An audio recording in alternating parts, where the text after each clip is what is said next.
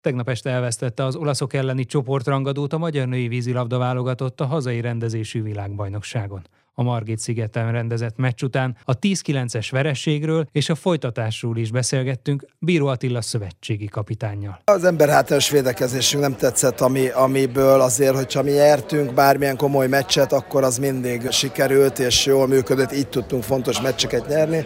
Ez már nem sikerült, hiába volt az elején jó a támadásunk és az emberforjaink, azért a másik meccs második felébe ez nem sikerült. Az olaszok azért ott kiegyenesedtek, pici vérszemet is kaptak, és tényleg jól játsz ba kihasználták a mi, mi hibáinkat.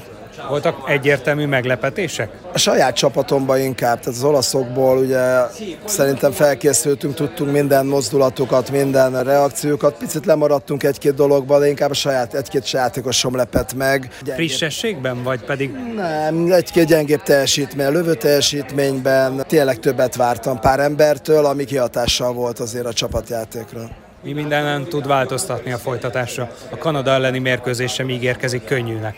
Hát van egy másfél napunk gyakorlatilag arra, hogy, hogy összekapjuk magunkat, semmivel nem lesz könnyebb, ugye ezt láthatjuk az első csoportmeccsen.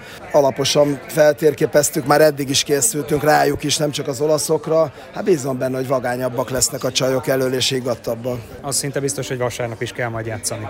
Így van, nyilván nem is könnyű mérkőzést, úgyhogy nem tudjuk még kivel, de, de egyelőre, egyelőre a pénteki meccsre fókuszáljunk, aztán meglátjuk, hogy merre tovább. Közönség mennyire nyomta a csapatot? Engem nagyon motivált, és örültem, hogy itt a hátunk mögött volt jó néhány ezer ember, és tényleg megtisztelő volt ilyen sok szurkol előtt játszani. Hát valószínűleg egy-két ember, emberre kihatással volt, ez tény. Látott azért pozitív teljesítményeket egyénileg? Ja, abszolút. Tehát például a Rebecca Parksnak a centerjáték az, az megint első rangú volt, és a, a gólokkal sem maradt adós, úgyhogy, úgyhogy ő mindenképp nagyon jól játszott. Még egy-két jobb teljesítmény volt, akár a Váj Vandára gondolok, de azért hiányzott még jó, jó néhány extra teljesítmény ahhoz, hogy egy ilyen csapatot meg tudjunk verni. Föl kell rázni ezután a játékosokat? Biztos. Sok terápia lesz? Biztos, hogy fel kell rázni, akár sokkolni is kell. Ahogy kezdtük a mérkőzést, az teljesen jó volt. Tehát hogy ez volt egy kulcsa, hogy keményen álljunk bele, és ne engedjük, hogy vérszemet kapjanak.